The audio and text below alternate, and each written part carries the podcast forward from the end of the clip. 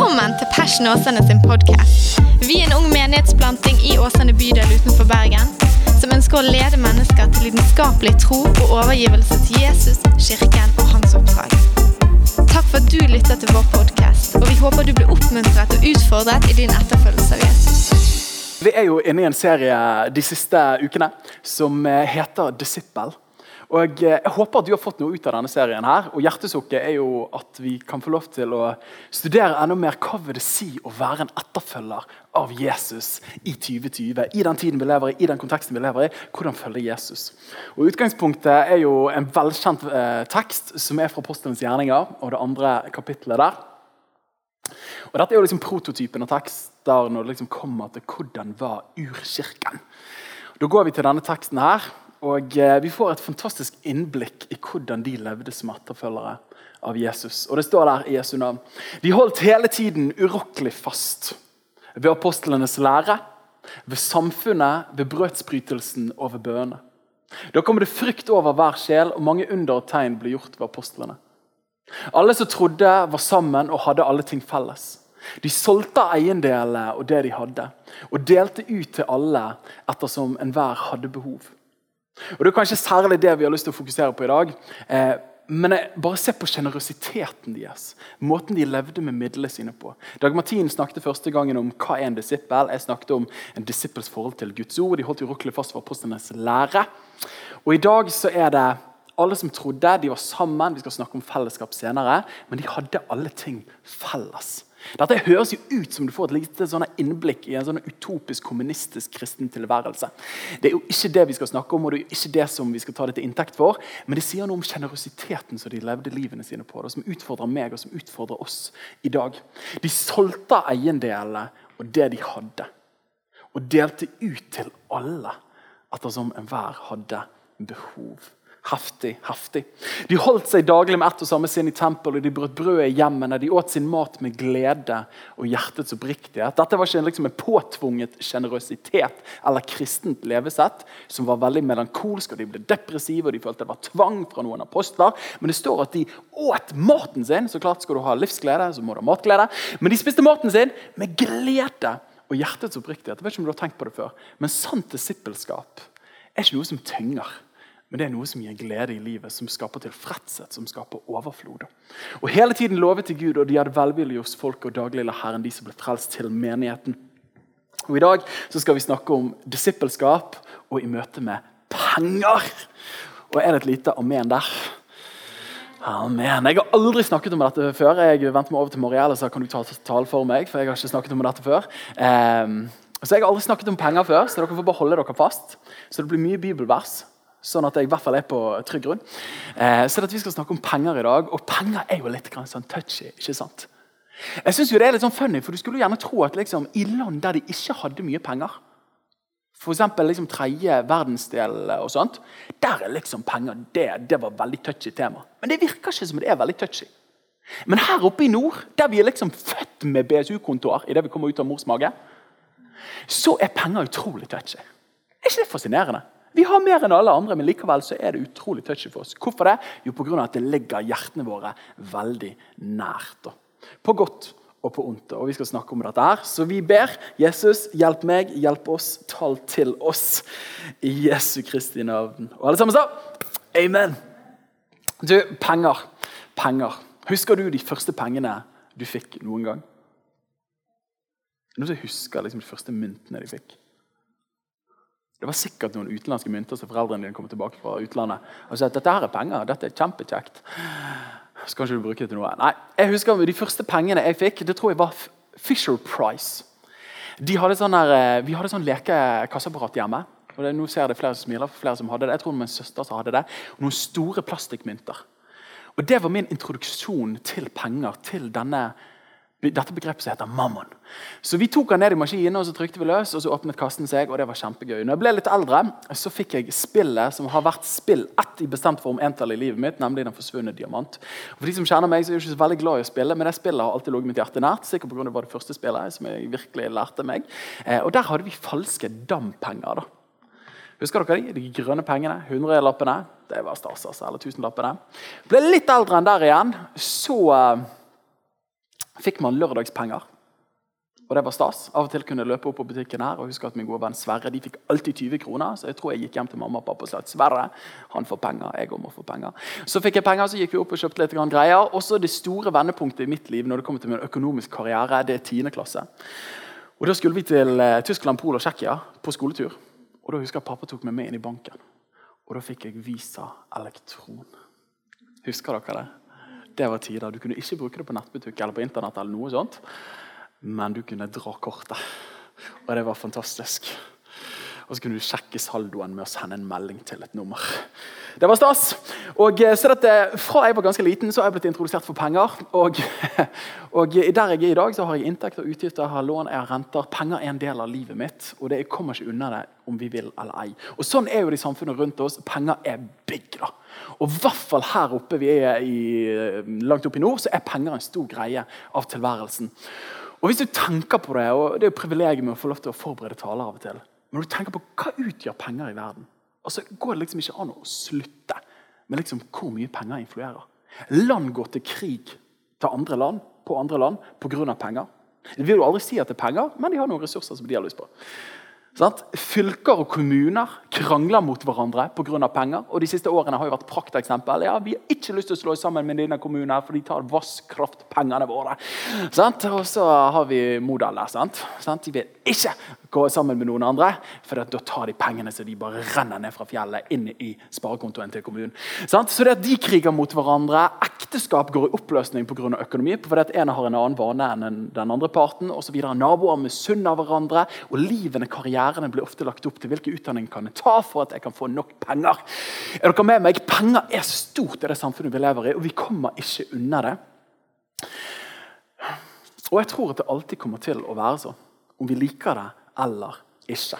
Og I den konteksten som vi er en del av, den lille flikken av eh, Vesten, så er gjerne mottoet 'hvor mye penger kan vi få'? Og Vi har jo gjerne hørt eh, liksom, det klassiske sunnmørsvitsen, at eh, liksom, sunnmøringene de svømmer sånn som dette. her. Hvor mye kan de få? Eh, og litt sånn er jo det her oppe i nord. Mens gjerne det religiøse idealet opp gjennom tiden har vært liksom fattigdom, askese osv. Spørsmålet er uansett som kristne, som etterfølgere av Jesus, hvordan skal forholdet, vårt forhold til penger være? Hvordan skal vårt forhold til penger være? Og Det første jeg har lyst til å hoppe ut i, er problemet med penger problemet med penger. Og så bare tenker du ja, det var akkurat det jeg tenkte. Du er på et kristent møte, og da begynner de alltid med at penger er kjipt. Sant? Og Det eneste bra du kan gjøre med penger, det er å ligge i den kollektkorgen som går forbi. På, bare på den måten så blir pengene en god ting, for da går det rett til eh, veldedige formål og kristne greier. Nei, altså, Jeg vil påstå at penger kan være fantastisk. Og Jeg er ikke ute etter å stemple det som noe negativt, men jeg tror at det er ikke til å komme unna at penger er forbundet med mye negativt ofte. da. Så problemet med penger ok, Hva tenker du på der? Jo, når du leser evangeliene, når du leser om Jesus og Jesus er jo God's man of power for the hour. Sant? Han er his the hero. Han underviser jo masse. Og Når jeg spør folk liksom, ja, hva var det du underviste Jesus mest om, nå vet jo dere hvor jeg går, så vil jo gjerne folk si ja, det er jo nestekjærlighet. Den gylne regel. Gjør mot andre det du vil at vi skal gjøre mot deg. Og så er det bare, Ja, det sa han en gang. Men han snakket veldig mye mer om veldig mye annet. Ja, men Han snakket kanskje mye om tro. Du må tro til Gud. Eller han snakket mye om bønn. Er du klar over at Jesus snakker mer om penger enn både tro og bønn til sammen? Det hadde ikke du trodd. Jeg fikk helt sjokk. Jeg måtte holde meg fast på stolen. jeg så det. jeg meg.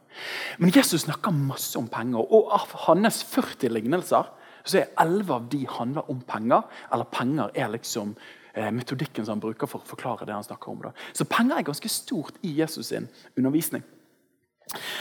Og jeg synes jo Det er litt sånn morsomt, i når du hører på ulike taler og når du er i kristne sammenhenger. For vi gjenspeiler i hvert fall ikke det nivået av Jesus snakker om det på. Da. Så Jesus har mye å melde når det kommer til penger. Men hvorfor er det sånn? Og jeg tror veldig mange vers vi kunne tatt opp når det kommer til penger. Men et av hovedversene er jo det som vi finner i Matteus. I det sjette kapittelet. Jesus har bergpreken, og så kommer disse velkjente versene her. Og Når vi leser Jesus' sin undervisning, og så kan man av og til tenke at Jesus, du har litt sånn kjip tilnærming til penger. Ja, men jeg har lyst til å påstå at Jesus kommer av og til med noen nei, fordi han har noen større ja som er godt for oss. Vi leser Her her står det, Jesus sier ingen kan tjene to herrer. For enten vil han hate den ene og elske den andre. Eller så vil han holde seg til den ene og forakte den andre. Dere kan ikke tjene både Gud og mammon. Og Mammon er jo veldig kristeliøst for penger. Men dere kan ikke tjene både Gud og mammon. Og når jeg satt og tenkte på det her, så bare sånn, men Hva er greien med det her, Jesus? Hvorfor kan ikke du tjene Gud og mammon? Og det ordet 'tjene' på grunnteksten så betyr det slave. Men helt enkelt, du kan ikke være en slave for to herrer. For Enten vil du elske den ene, eller så vil du hate den andre. Enten vil du holde deg til den ene, eller forakte den andre. Og Nå er ikke jeg veldig god på fotball, men jeg har jo veldig mange venner som er veldig glad i fotball. og det sitter jo mange i den menigheten som bryr seg om fotball. Og jeg forstår jo at eh, det Fotballkamper går jo som regel når vi har kirke, så det er et offer som enkelte betaler mer enn andre i denne kirken. her. De får en lønn i himmelen. Men jeg har forstått det dit hen at du kan ikke være en United-fan og være like mye Liverpool-fan. Altså, det, er jo, det er jo som å banne. Jeg bare ser liksom, eh, øynene snurre rundt på noen her. Sånn? Altså, du kan ikke heie like mye på United og samtidig heie like mye på Liverpool. Og Det er jo en uh, haltende illustrasjon, men samtidig det sier noe om at du kan ikke følge Gud like mye, ha han på førsteplass, og samtidig ha penger på førsteplass. Og Jesus sier det rett ut, og det er jo veldig veldig frigjørende. Og jeg tenker, Hva er greien her? Jo, Han som er din herre, han som er din konge, han som du tjener, han som du har på førsteplass, han blir den primære kilden der du henter din trygghet, din identitet, din tilhørighet, din framtid, dine forhåpninger ifra. Da. Og Jesus sier at du kan ikke ha Gud på den plassen og penger på den plassen. Du må velge. Enten har du Gud der, eller så har du penger der. Og rett etterpå og det synes jeg er utrolig fascinerende, men rett etterpå så går Jesus videre i det neste verset. så sier han, I Matteus 6,25 så sier han derfor sier jeg dere. Etter at han har sagt du kan ikke både ha Gud og mamma på førsteplass. Derfor sier jeg dere, vær ikke bekymret for livet deres. Hva dere skal spise, eller hva dere skal drikke. Og heller ikke for kroppen hva dere skal kle dere med. Og Så går han videre og så bruker han illustrasjonen om liljene på marken, om fugler på himmelen. Og så sier han alt dette strever dette er jo stygt å si, men hedningene etter. Og Det er jo sånn bestemor-kristent ord, men det betyr jo helt enkelt de som ikke kjenner Gud. De strever etter disse tingene. De er bekymret for disse tingene. Dette er det man bruker livet sitt på. Og så sier han men dere har en far i himmelen som vet at dere trenger alt dette. Men søk først Guds rike og hans rettferdighet, så skal dere få det andre i tillegg. Hva er greien der? Han Først sier han du må enten ha Gud eller penger som førsteplass i livet ditt. Og Så går han videre og illustrerer at når du har Gud som førsteplass i livet ditt, så slipper du å bekymre deg. For da henter du din primære trygghet fra Han. Og han har omsorg for deg, så han vet hva annet du trenger i tillegg. Men søk først. Ha først Gud på førsteplass. Og jeg må si, Når jeg filosoferer rundt penger Jeg vet ikke hvor ofte du sitter ned i stolen og lener deg tilbake og bare tenker liksom, hva er penger for noe? Og jeg synes jo Det er interessant i den tiden vi lever i, at pengene våre er jo mange tall på en skjerm. Har du tenkt på det før? Og så kan det avgjøres utrolig mye av hvordan livene til folk blir. Bare noen tall på en skjerm. Og disse lappene det er jo ikke verdt veldig mye, men likevel så har det en vanvittig innvirkning på livet vårt. Hva er det jeg prøver å si her?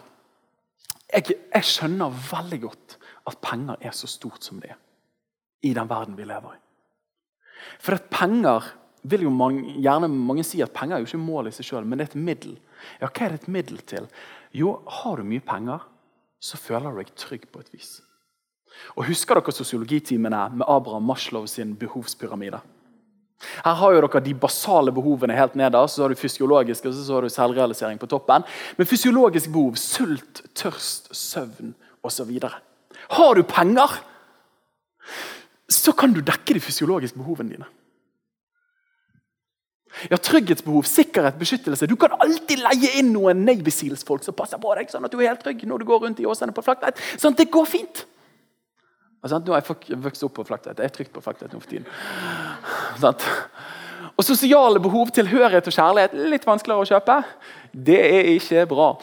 Og anerkjennelse, selvaktelse, status osv. Men er dere med meg? Jeg skjønner veldig veldig godt at mennesker som ikke kjenner Gud, og vi som er kristne og prøver å følge Jesus, vi lever i en kultur der ikke alle andre gjør det. At det er veldig lett at penger blir førsteplassen i livet vårt. Ikke pga. at vi tenker penger er helt fantastisk, jeg lovpriser penger. Nei, men pga. at penger blir et middel for et mål. Og det målet trygghet, forutsigbarhet, framtid, utdannelse, hus, hjem, Volvo, Vov, hytte.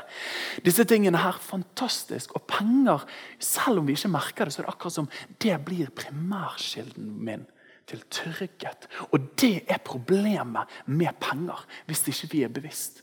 At det tar førsteplassen i livet vårt. For dette gir oss trygghet. Det gir oss forutsigbarhet, det gir oss utdannelse. Det dekker noen av disse behovene som han Mashloven påpekte i sin tid. Er dere med meg? Jesus snakker i lignelsen om såkornet. og Jeg, jeg har alltid bedt meg merke i dette. her, Men han sier i Matteus 13. kapittel, så sier han at det som ble sådd blant torner, er de som hører ordet. Men denne verdens bekymringer ja, men Hva skal jeg spise? Ja, Hva skal jeg kle meg med? Hvor skal jeg bo? Hvilke utdannelse? Hvem skal jeg gifte meg med? Ja, Hvem skal være vennene mine? Verdens bekymringer. Og hør på det her. Rikdommens bedrag kveler ordet. Og man blir uten frukter. Og så akkurat det ordet der rikdommens bedrag. Og Det er problemet med penger. At det gir oss en illusjon av at vi er trygge. Og til en viss grad så dekker jo det fysiologiske behov. Men det er akkurat som Jesus sier, det finnes en høyere vei da, enn at penger er tryggheten i livet vårt. Og Der kommer vi videre til det andre som jeg har lyst til å løfte opp. Det er den virkelige skatten. Den virkelige skatten. Jesus sier det sånn som dette her. Han sier 'samle dere ikke skatter på jorden'. Og Det er jo ikke sånn at Jesus var liksom imot penger. Det var ikke sånn, altså Disse gutta her, hvis du leser evangeliene, så har de jo de egen pengekasse. Jeg var jo sånn, Nå betaler alle sammen litt av lønnen sin, og så kan vi ha julebord til jul med alkoholfrie klauter. Altså, det var jo ikke det som var tingen. De hadde penger, de hadde økonomi og så greier og greier. Samle dere ikke skatter på jorden hvor møll og rust ødelegger. Og Der er vi akkurat inne på det. Hva er problemet med penger? Problemet med penger er at det er uforutsigbart. Det er at det er forgjengelig. Det er at det som virker trygt i dag, kan være borte i morgen. Og Vi alle husker 2008 med cracket i USA og den hele økonomiske krisen, at man kan føle seg så trygg på investeringene sine.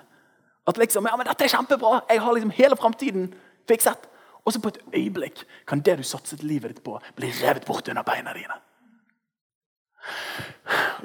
Og Møll og rust ødelegger, og hvor tyver bryter seg inn og stjeler. Men samle dere skatter i himmelen hvor verken møll eller rust ødelegger, og hvor tyver ikke bryter seg inn og stjeler. For der skatten deres er, der vil òg hjertet deres være. Åh, Det er jo tøffe ord, da.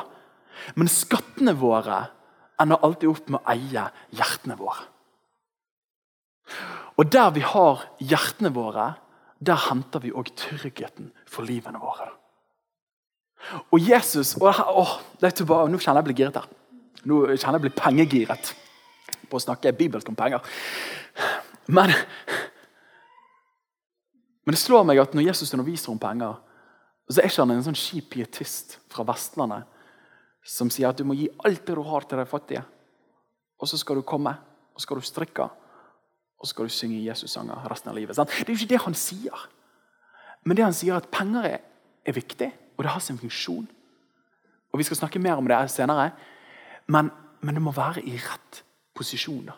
Det må være på rett plass i livet. Og Har det slått deg at det som kan være en veldig god tjener, en forferdelig dårlig herre i livene våre?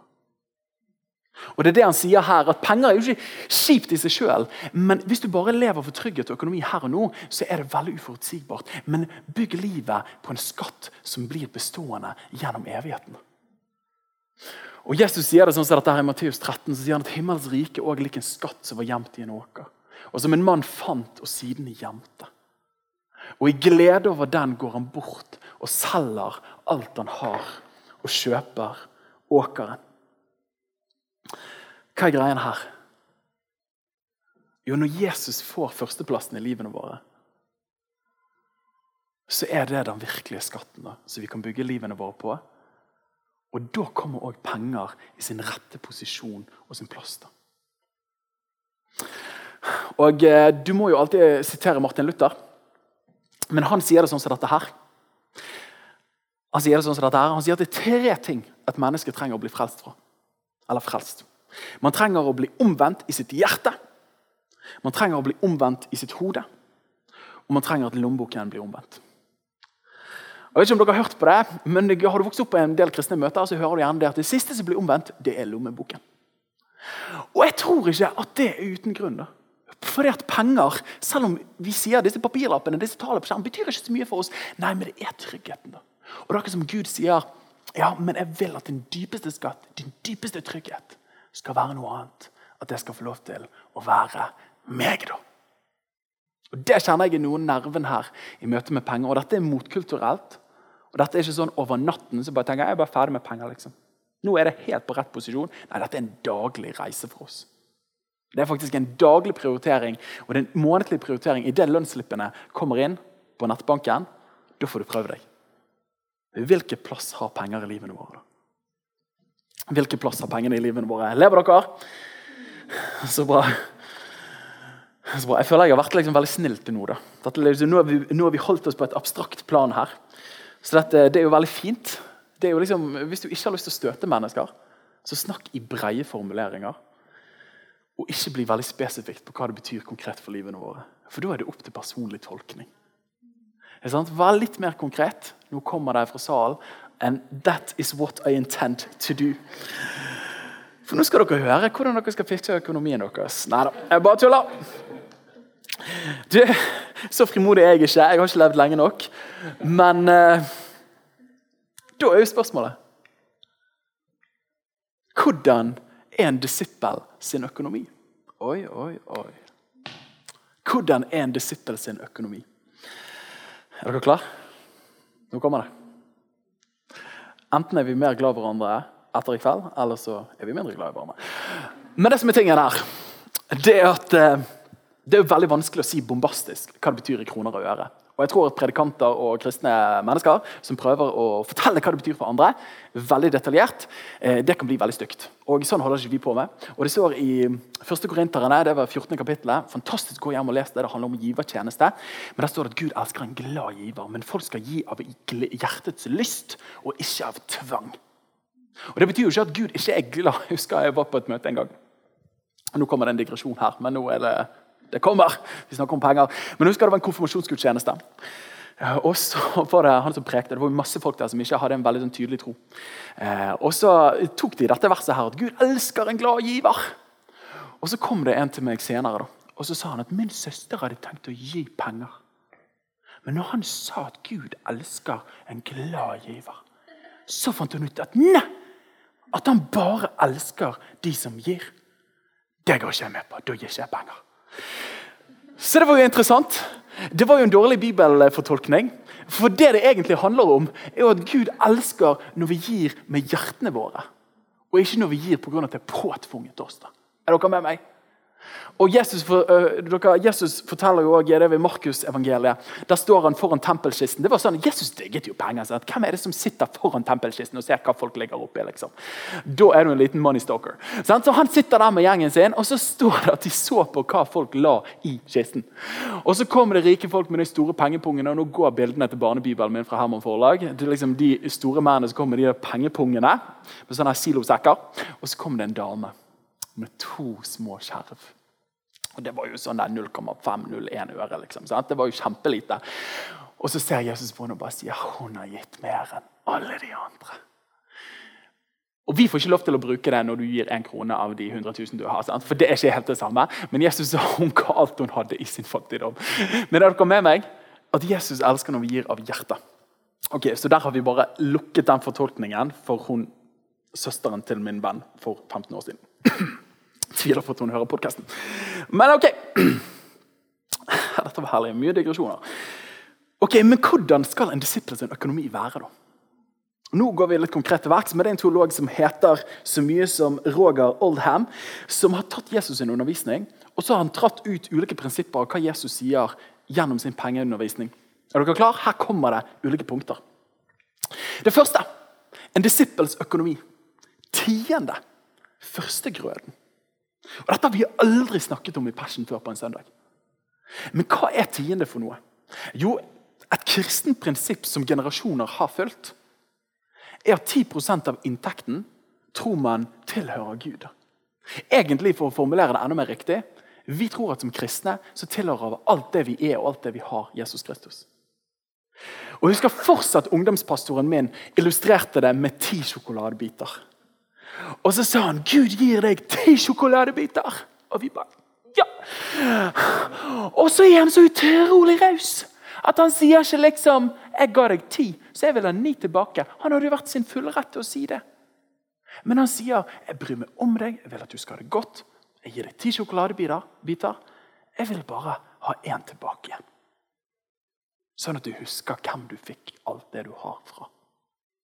Og da sa det kabom i hjernen min. Og så bare tenkte jeg herlighet.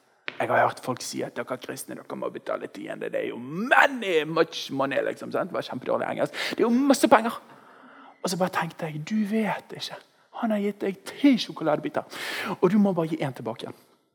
Og du vet hva? Jeg tuller litt akkurat nå, men, eh, men, jeg er veldig frimodig når det kommer til tiende. Vi kommer aldri til å forkynne det som en tvang, men jeg tror at det er et bibelsk prinsipp. Da. Og så vil enkelte si ja, men dette her var sånn Gamle testamentet. Og vi må helt sikkert preke om tiende enda mer en gang. Ja, de ga tiende i Gamle testamentet, men er at Abraham var den første som ga tiende? 400 år før loven kom. Jesus bekrefter tienden når han underviser. Dere ser bibelhenvisningen under her. Og I Hebreabrevet så bekreftes det òg. Så hva er greien her? Ingen blir tvunget til å gi 10% Det er ikke sånn at Gud blir sint hvis ikke man gir 10% Nei, nei, nei. Men det handler om at han inviterer oss inn i et partnerskap med han. Med å investere at, og si Gud, jeg vil ha deg med i mine finanser, i mine, min økonomi osv.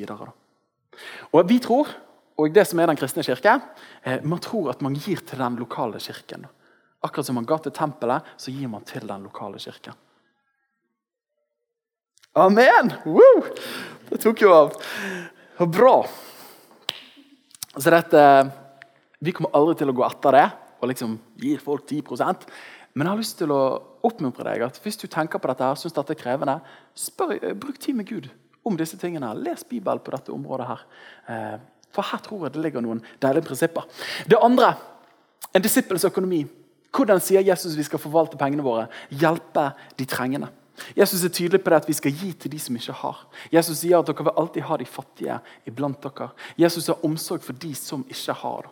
Og Her tenker jeg det kjempeansvar for oss oppe i nord som har mye. Jesus sier at den som mye har blitt gitt, skal det kreves mye av. Så gir vi barmhjertighetsgaver til mennesker. Har vi et fadderbarn? Er dere med meg? Kreativiteten er jo endeløs her. En disippels økonomi, det neste. Vi skal betale vår skatt. Og det er jo oppmuntrende. vet du. De kommer til Jesus med en mynt av eh, keiseren Cæsar og så sier de, skal vi gi til Cæsar. Og Så sier han dere skal gi til keiseren det som keiserens er, og dere skal gi til Gud det som Guds er. Så at Vi kristne skal være gode, lovlydige borgere som betaler vår skatt, og som følger ordningen i landet så fremt det ikke strider mot det som er Guds ord.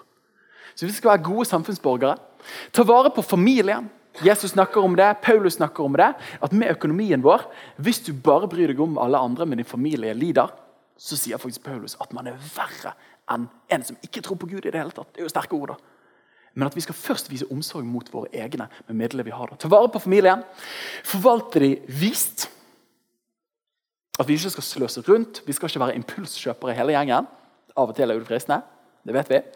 Derfor begynte vi å handle på Meny, sånn at jeg ikke skulle handle smågodt på impuls. For det er så dyrt. Forvalter de vist.